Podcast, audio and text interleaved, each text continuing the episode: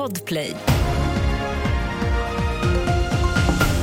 Här är senaste nytt. En 54-årig man i Malmö har dömts till fängelse i fem år för grovt vållande till annans död och grovt gravfridsbrott efter att ha dödat och styckat en man i 20-årsåldern.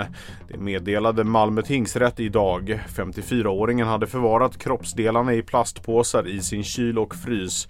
Han klev själv in till polisen och erkände gärningarna i fjol. En genomgång av hans internethistorik visar att den dömde haft påtagligt intresse för våld våld, mord, avrättningar och styckning av kroppar. Mer om det här på tv4.se.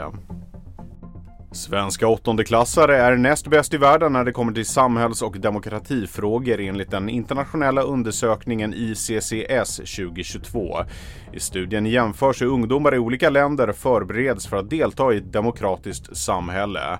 Taiwan är det enda land som placerar sig före Sverige. Över tid har dock kunskapen gått ner både i Sverige och i det internationella genomsnittet jämfört med resultatet från 2016. Det snöar just nu mycket efter vägarna på östkusten. En singelolycka med en lastbil orsakar totalstopp på E18 strax före Bålsta i riktning mot Stockholm. Räddningstjänsten är på plats och trafiken tros vara påverkad fram till klockan 12.30. Det råder även totalstopp på E4 norr om Hudiksvall efter att flera lastbilar fastnat i ett räcke. Fler nyheter och en liveuppdatering av trafikläget hittar du på tv4.se.